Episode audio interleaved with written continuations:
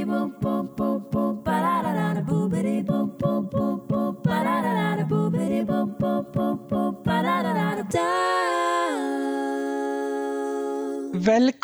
til filibuster-podkasten om norsk forsknings- og innovasjonspolitikk. I dag har vi med oss Vincent Fleischer, som er strategi- og kommunikasjonsdirektør for Sintef. Og i vårt virtuelle studio så sitter også Espen Solberg, som leder innovasjonsforskningsarbeidet på NIFU. Eh, Vincent, tøffe tider for Sintef nå, med koronakrise og nedstengning. Du sitter på hjemmekontor. Det er ikke alle forskere på Sintef som kan gjøre det. Vel, de fleste gjør faktisk det, men vi eh, har jo høy prioritet på alle verksteder og labber. Slik at, har, eh, slik at vi kan drifte all testing og pilotering for næringslivet og videreføre de testene. Og det går stort sett som normalt, slik at vi har uh, jobber på skift, slik at det er færrest mulig på jobb samtidig. Og har uh, ekstraordinært renhold, slik at alle smitteverntiltak er på en måte ivaretatt. Og så er det da en del eh, ansatte hos Sintef som er på disse labbene og verkstedene. Har det vært snakk om permitteringer så langt? Ja, vi har eh, allerede permittert, eh, sendt varsel om permitteringer til en del i Sintuf Manufacturing AS. Bilindustrien i Tyskland har jo som kjent slitt litt i det siste. Og da koronakrisen så ble det helstopp Eh, og Det betyr at de bildelleverandørene som er på Raufoss, de har jo da permittert samtlige ansatte. Og Dermed så stopper også vår virksomhet i veldig stor grad opp uh, i det fagmiljøet som jobber på Raufoss.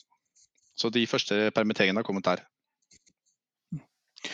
Hvordan opplever du det da i det norske næringslivet? Dere har jo en god del kunder der også. Uh, har det vært uh, avbrutte oppdrag? Har dere hatt nedgang i tilgang på nye oppdrag? Vi, eh, vi, hadde jo et fantastisk 2019. Uh, eh, det beste året noensinne. Uh, og veldig gode ordrebøker inn i 2020. Så vi trodde at 2020 skulle bli et nytt rekordår. men det betyr også at vi har en del Altså en høy, sterk portefølje av prosjekter som vi håper kan løpe så lenge som mulig inn i 2020, som vi ser kan bli et vanskelig år. Men vi håper at det skal gå bra. Det ser godt ut foreløpig i februar og i mars. Men det vi også ser er at en del bedrifter som permitterer sine ansatte og ikke klarer å videreføre sine innovasjonsprosjekter der vi er leverandører av kunnskap. Eh, så det er eh, de første tegnene helt tydelige på at det er krevende for bedrifter eh, å opprettholde utviklingsaktivitetene når de ikke klarer å løse dagens, dagens problemer. Jeg ser jo at både Innovasjon Norge og Norges forskningsråd har fått blitt tilført nye midler. De uh, endrer en del på praksisen for søknad til ulike aktiviteter, sånn som innovasjonsstøtte i Forskningsrådet og innovasjonsprosjekter i Innovasjon Norge. På hvilken måte syns du dette har påvirka bedriftenes evne til å drive med både forskningsinnovasjon, og i hvilken grad har det hatt følger for det dere gjør? Vel, vi er i, i, uh, holder på å utforske hvordan virkemidlene til Innovasjon Norge virker. Uh, altså hvordan de vil påvirke våre kunder. Uh, så Der har vi ikke fått alle svarene på plass ennå. Men det som er eh, viktig på Forskningsrådets side, eh, og som er eh, den som i all hovedsak finansierer og risikoavlaster forskningsinnsatsen vår, så er det slik at det er kommet med tiltak for innovasjonsprosjekter i næringslivet. Dvs. Si forskningsprosjekter som bedriftene eier. Og det vi er på spente på, er jo i hvilken grad bedriftene vil være i stand til å dra i gang nye prosjekter i den, eh, den tiden vi er i nå. Så De virkemidlene der forutsetter jo at bedriftene faktisk er i stand til å stå, har evnen til å stå på to bein og gjennomføre in, utviklingsaktiviteter. Uh, det håper vi at de vil være i stand til å gjøre, og at vi kan være en god samarbeidspartner for dem. Men vi vet at fra krisene, de to foregående krisene så vet vi at litt lenger ned i veien etter at krisen drar seg til, så er det den type aktiviteter som stopper opp.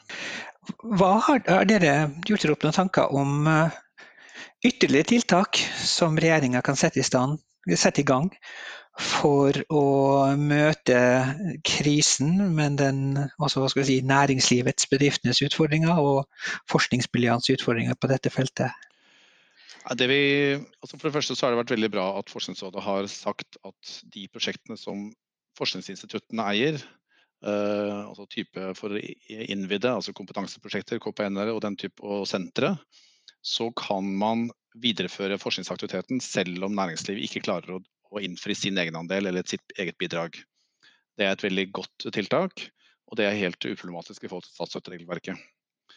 Men eh, så ser vi jo det at der bedriftene eier prosjektene, så kan det være krevende for dem å videreføre. Og da sier vi at uh, norske forskningsinstitutter for å si det, ta det litt sånn big picture, så er det slik at norsk forskning, det norske forskningssystemet er veldig medvindsdesignet. Eh, det fungerer godt i Medvind fordi det er et veldig brukerorientert forskningssystem.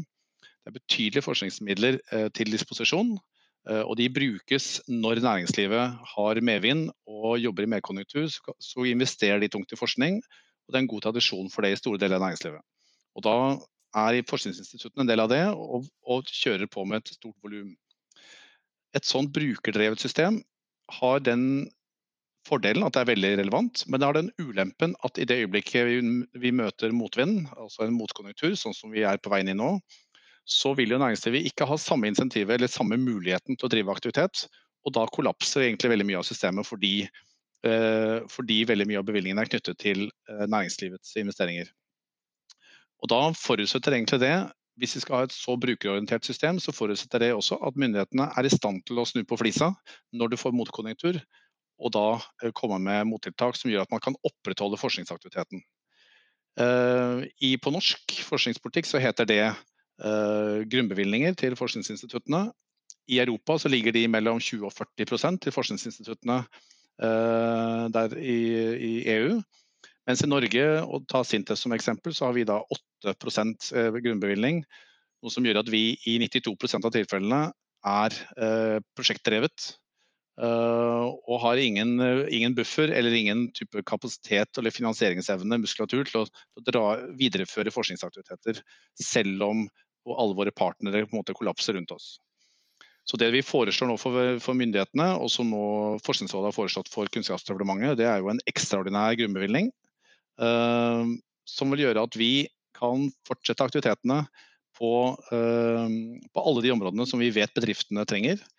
Eh, som et sånt teknisk industrielt eh, institutt som Sintef er, så vi, lever vi bare av å forske sammen med bedrifter. Så vi vet svært godt hva slags problemstillinger de eh, jobber med. Og det å gi oss en ekstraordinær grunnbevilgning nå, det vil gjøre at vi kan fortsette å pushe teknologifronten. Og eh, slik at bedriftene, når bedriftene plukker opp hanskene igjen, så har vi kommet enda lenger. Enten det er på optimering av møbelproduksjonen på, på, hos Haag på Røros, eller det er på varmevekslere, eller hva det ikke sant, på 1000 områder. På fanging av CC, karbon, eller eh, sirkulær økonomi i kommunene. Altså alle disse områdene som nå eh, hvor det er en voldsom utvikling av teknologien, der kunne vi ha fortsatt eh, uten kundene våre hvis vi hadde fått en ekstraordinær grunnbevilgning nå i 2021. Men da vil dette være aktiviteter som dere bestemmer på grunnlag av den porteføljen dere allerede har på plass, ja. for å si det slik. Ja. Jeg skal trekke med meg Espen inn her nå, fordi eh, jeg vil gjerne ha et oppfølgingsspørsmål til dere begge to her. Espen kan svare først. Dette med å gi eh, instituttene en økt grunnbevilgning, slik at de kan videreføre kompetanseoppbygging på de feltene de allerede er gode, er jo en eh, høyst relevant måte å gjøre dette på. Når vi går tilbake til å se på tidligere kriser, så er det også en annen måte man kunne gjøre dette på, eller eventuelt en tilleggsaktivitet. og Det er det at man kunne satse på fremtidsretta forsknings- og innovasjonsprosjekter som var retta mot bestemte sosiale eller globale utfordringer. Klart, Pandemier er jo en slik opplagt uh, utfordring. Det har vært mye snakk om i EU og også i den norske regjering om økt forskning på klimaskifte og andre store utfordringer. Tror du Espen, at, uh, at dette er tida for å si, benytte denne anledningen til å få til en mer utfordringsorientert forsknings- og innovasjonspolitikk? Det kan det nok eh, helt sikkert være. Um, og behovet er jo der ikke sant? For, eh, at offentlige myndigheter kan gå inn med denne typen motkonjunkturtiltak. Og det har også vært gjort før. Så altså Internasjonalt så har det vært et ganske klart mønster at når næringslivets FoU går ned av ulike årsaker, så har det offentlige kompensert for det med klassisk motkonjunkturpolitikk. Og vi har også gjort det i Norge. Og Det som har skilt Norge litt fra de andre landene, er at vi har ikke i samme grad vært nødt til å skru igjen krana på de offentlige midlene etter sånne tunge, eh, dyre krisepakker. Fordi vi har jo ikke Eh, det samme behovet for å nedbetale utenlandsgjeld osv. som f.eks. Finland har hatt og vært nødt til å spare etter å ha kjørt sånne redningspakker i, i, over når krisen har stått på som verst. Men det er interessant som Vincent sier, at når eh, de her hjelpetiltakene krever at bedriften sitter i førersetet, så har det kanskje fungert i de tidligere nedgangsperiodene hvor bedriftene har slitt pga. nedgangskonjunktur. Uh, mens det her er jo snakk om kanskje dypere, bredere og mer uh, grunnleggende krise, og faktisk også av uh, et offentlig forbud mot virksomhet hos mange. Og Derfor så kan det jo godt hende at de her krisetiltakene ikke fungerer like godt hvis du gir bedrifter anledning til å søke på prosjekter. Mm, når de selv står i fare for å Eh, rett og slett må stenge ned. Hva tror du Vincent? Sintef har eh, jobba hardt med å synliggjøre den betydningen bærekraftsmålene bl.a. har hatt for instituttets virksomhet. Eh, kan du se rom for en offentlig politikk her som i større grad benytter anledninga til å satse på norsk forskningsinnovasjon som er retta mot disse utfordringene? Og i så fall, vil, vil både bedrifter og forskningsinstitutt være i stand til å gjøre det, gitt de utfordringene Espen peker på? Altså, jeg tror at det er eh, altså En utfordringsdrevet forskningspolitikk det tror jeg vi er i full fart inn i. Uh, og da tenker jeg at den pandemirelevante forskningen den er uh, Det er mulig at den gir grobunn for enda større aksept rundt den type tenkning. Men de viktige områdene vi bør forske på nå, det handler jo mye mer om de områdene der Norge kan gjøre en forskjell med hensyn til bærekraft. Og det handler jo særlig om, de, om, om sterke næringer som, hvor Norge er ledende. Uh, jeg tror at det er en, en kjempeutfordring nå å starte nye industrielle grep som gjør at vi drar i gang maskinen, den eh, norske maskinen, norske leverandører, eh, verftsindustrien osv. Uh, rundt områder der vi har sterke forutsetninger for å bidra til bærekraft globalt. Og Det kan være uh, sånne type ting som uh, Det er helt avgjørende at vi nå får på plass Ocean Space Center. Norge er en havnasjon, har vært det i mindre tider. Har muligheten til å fortsette å være det. Det å få på plass den type infrastruktur. Eh, Havvind kan være et annet område som kan dra i gang veldig mye verftsindustri. Eh, og som også er den type næringer som er kunnskapsintensive. Eh, de er, kjent naturressursintensive og kunnskapsintensive. Slik at du drar i gang et helt eh, Altså hele forskningssystemet og hele innovasjonssystemet blir bra på en måte satt i bevegelse fra forskningsinstitutter som jobber med programvare for hvordan rotorbladene skal posisjonere seg i ulike vindsituasjoner, til verftsindustrien som skal ha de rette stålkonstruksjonene. Massematerialteknologi, det er, det er veldig mye alt med kabler. det er utrolig mye spennende og viktige ting som må løses for verden, men hvor Norge har veldig gode forutsetninger.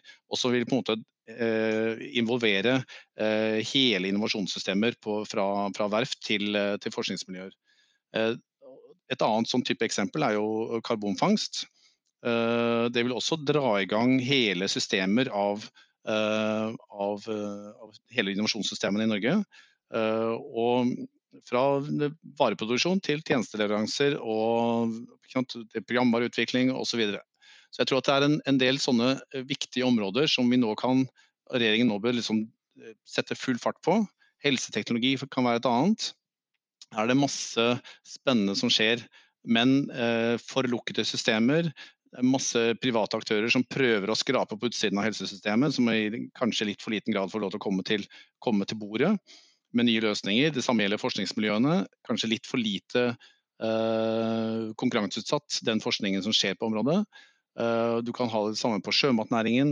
Et, sånne store sektorer som kan ha enorm betydning for verdiskapingen i Norge, og veldig stor betydning for bærekraften i Norge og i verden, som vi nå tenker at regjeringen bør sette et push på. Eh, og det er mange andre typer ting, altså hurtigbåter, eh, autonome skipsfartsløsninger, hydrogen, økonomien. Eh, det er mange områder der du vil, på en måte, hvis du setter i gang aktivitet, så vil du måte, mobilisere og aktivere hele verdikjeder og hele innovasjonssystemer. Og Det er det jeg syns er litt sånn attraktivt nå. Uh, og så tenker jeg at det er en uh, Hvis det kan være noen sånne flaggskip som man kunne dratt i gang fra regjeringens side, så tenker jeg også at det er en sånn horisontal som også bør komme. og Det handler om innovasjonsevnen og kompetansenivået i hele, i hele økonomien vår. Um, og det er der på en måte, teknologimiljøene, forskningssystemet, kompetansen digital, på digitalisering som er på tvers i hele næringslivet og for så vidt også i offentlig sektor, som er altfor lav, virkelig altfor lav. Der kan man nå gjøre store grep som gjør at liksom, den generelle innovasjonsevnen ville økt uh, veldig. Uh, og Det har vært utrolig spennende om vi kunne brukt denne muligheten vi har nå, denne krisen vi er midt oppi, til å også løfte hele nasjonen på en del sånne nøkkelkompetanser. Klarer dere det internt i Sintef? Sintef er et av Europas største konsern på forskning. Og dere har en lang rekke ulike disipliner og dekker flere teknologier og samfunnsområder. Dere har alt fra ingeniørkunst til samfunnsvitenskap. Eh, har dere klart å få til koblinger internt i Sintef som setter dere bedre i stand til å dekke hele verdikjeden og se på utfordringene under ett? Altså Internt hos oss så kaller vi dette for ett Sintef. Um, vi er jo 2000 ansatte og har uh, seks institutter inne i konsernet vårt.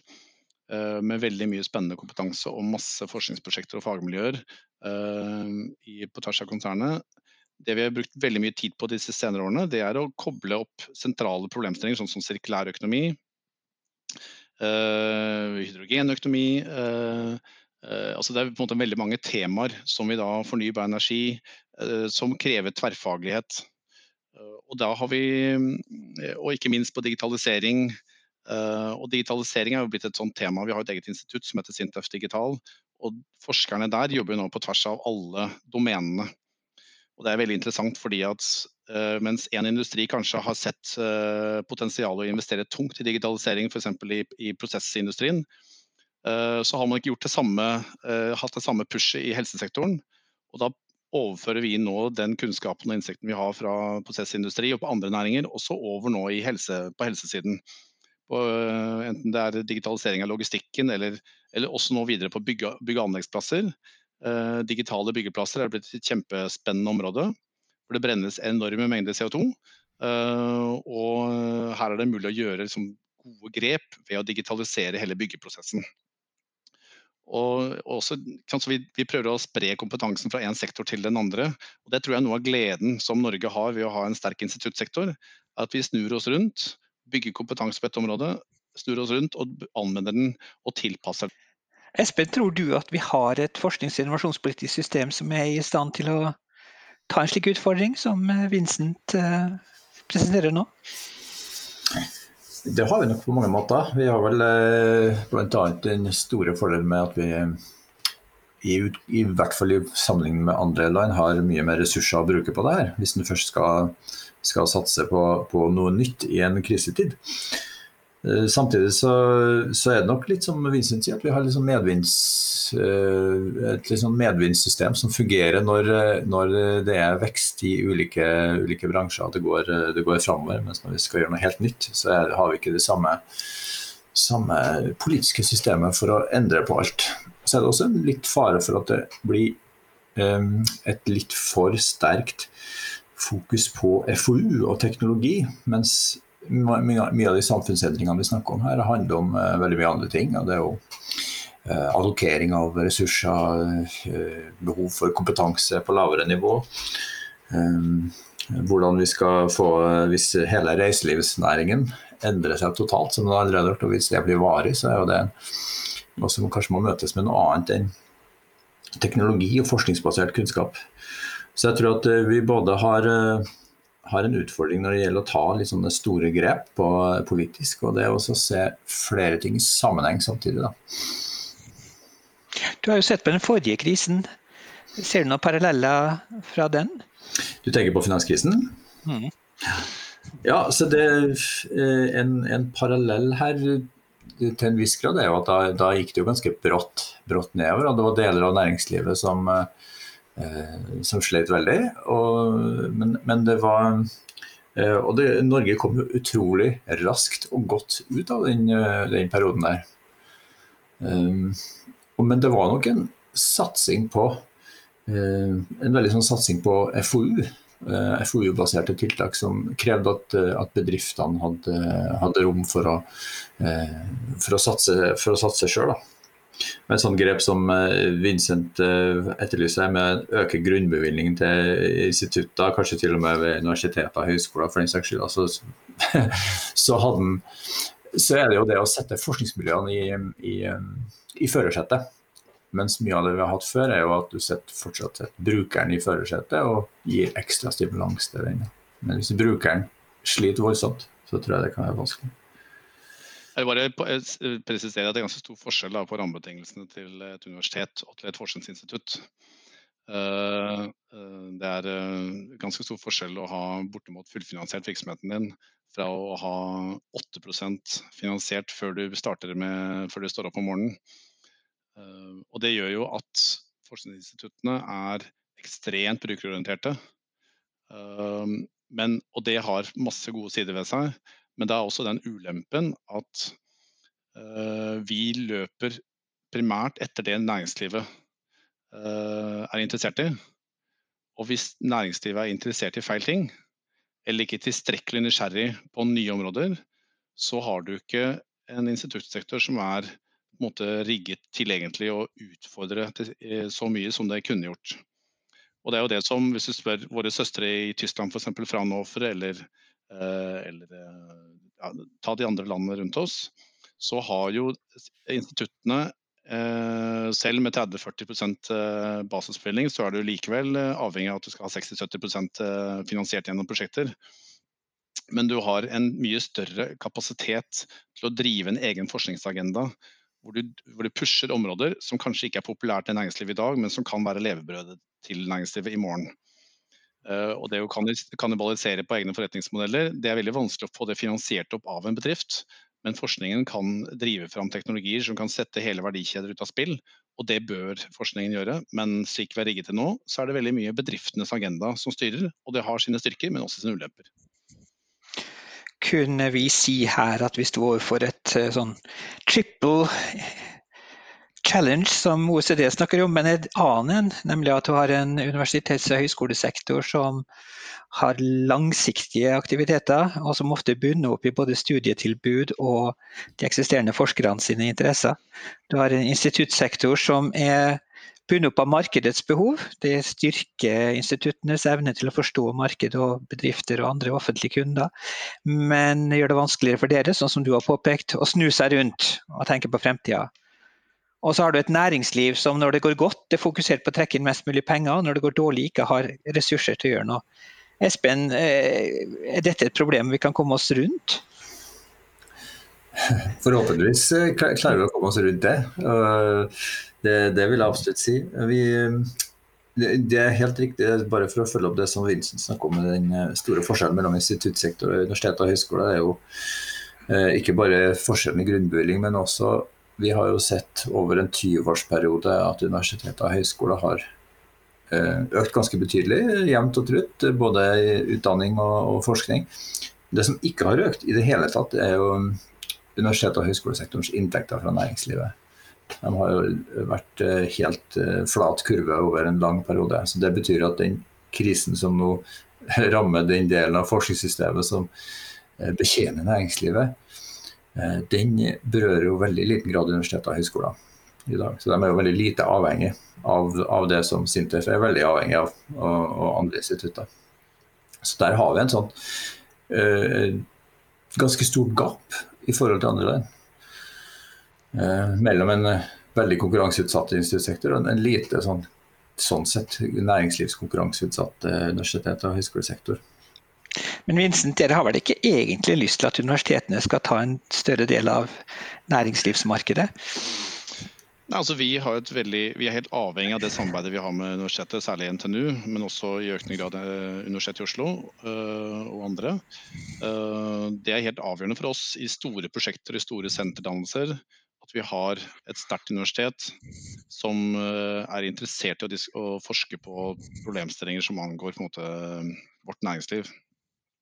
Og så er vi helt avhengig av de kandidatene de har, og de postdokkene og, og det, all den utdanningen som, som skjer da i universitetenes regi. Uh, og vi deler jo kostnader på laboratorier. Og, så det er et veldig tett samarbeid, særlig med NTNU, som, gjør, som er på helt avgjørende for at vi også skal være konkurransedyktige og ha liksom, eksellens i vår forskning. Som vi danner sammen med universitetene. Uh, og så ble jo Sintef i sin, sin tid, da, det var akkurat 70 år siden i år, det jubileet har det ikke blitt så mye av i denne koronatiden, men uh, vi har nå riktignok likevel da, et 70-årsmarkering i år. Hvor vi, da vi ble etablert, så var jo det fordi at uh, den gangen NTH ønsket å ha oppdragsforskningen sin utenfor universitetsveggene. Og det, og, det, er en arbeidsdeling som ble dannet den gangen, og som har på mange måter karakterisert det norske forsknings- og innovasjonssystemet siden. Uh, som en veldig ganske sånn fiffig måte å, å, å, rigge et sånt system på, og som er litt forskjellig fra de andre landene i Europa. Uh, men det fordrer jo også at du har da, uh, det, med et så sterkt brukerdrevet system, så fordrer det at instituttene har åpne konkurransearenaer hvor de kan hevde seg med anvendt forskning. og at det da Hvis man da fikk en, en tungt en universitetssektor da, eksempel, som i økende grad skulle med altså en veldig høy basisbevilgning, 80-90% skulle begynne å konkurrere med oss med 8, 8% basisbevilgning, så ville det en måte, skape en, en slags sånn eh, ubalanse i systemet som kanskje ikke vil være ikke vil, Eller kanskje på sikt danne et nytt system, da, et, et annet system. Vi er nå i ferd med å nærme oss slutten her. Jeg har ett siste spørsmål til deg, Vincent. Og det går på det nærliggende problemet, nemlig koronakrisen, og hvordan samfunnet skal håndtere den. Har dere aktiviteter gående i Sintef som går ut på å analysere og gi råd til samfunnet om hvordan vi kan håndtere den krisen vi står midt oppi? Altså ikke hvordan koronakrisen påvirker Sintef, men hvordan Sintef kan påvirke koronakrisen? Nei, altså Vi har ikke direkte prosjekter på det, uh, på det, nå. Det vi diskuterer internt nå, er jo måte, hvilke områder uh, vi bør satse på, og jobbe med for å få hjulene til å gå, komme i gang i, i Norge. Det er litt med, sant, med henvisning tilbake til, til, de store, sterke næringer som nå bør ta et skritt til siden og utvikle nye områder, om det er havvind eller om det er sjømat eller hva det er for noe. Uh, og vi har jo vært en nær samarbeidspartner med NHO i deres øvelse med et veikart for, uh, for fremtidens næringsliv. Uh, og Der har vi jo pekt på mange områder der det er store potensialer for verdiskaping, for arbeidsplasser og, og bærekraft. Både økonomisk, sosialt og, og miljømessig.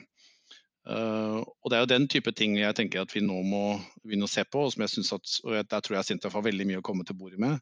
Og liksom, og liksom peke på hvor er det vi har de store potensialene for, for eh, konkurransekraftig næringsliv som bidrar til bærekraftig, et bærekraftig samfunn. Så jeg kunne ønske meg nå at liksom i, når koronakrisen nå går sin gang, at vi på et eller annet tidspunkt, eh, og håper det ikke blir så mange ukene til, at vi der er modne nok til å begynne å snakke eh, Jeg har veldig respekt for at vi er nødt til å slukke mange branner først. Og det er veldig mange gode tiltak som har kommet på plass. Men etter hvert så må vi Uh, måtte begynne å vende blikket fremover og se på hvor vi, vi, hvilket næringsliv ønsker vi å, å, å, dra oss i gang med uh, fremover. Den diskusjonen ser jeg frem til. Det høres ut som en god avslutning på vår samtale. Takk til Vincent Fleischer og Espen Solberg. Dette har vært en episode av Filibuster, en podkast som utgis av fagbladet Forskningspolitikk og forskningsinstituttet NIFU. Vertskap er Petra Andersen og Per Kokk. Du finner mer om bladet og podkasten på fpol.no. Der kan du også abonnere på papirutgaven av Forskningspolitikk. Abonnementet er gratis. Kjenningsmelodien er fremført og komponert av Lene Andersen Vinje. Forskningspolitikk utgis med støtte av Norges forskningsråd. Boobidi, bob, bob, Da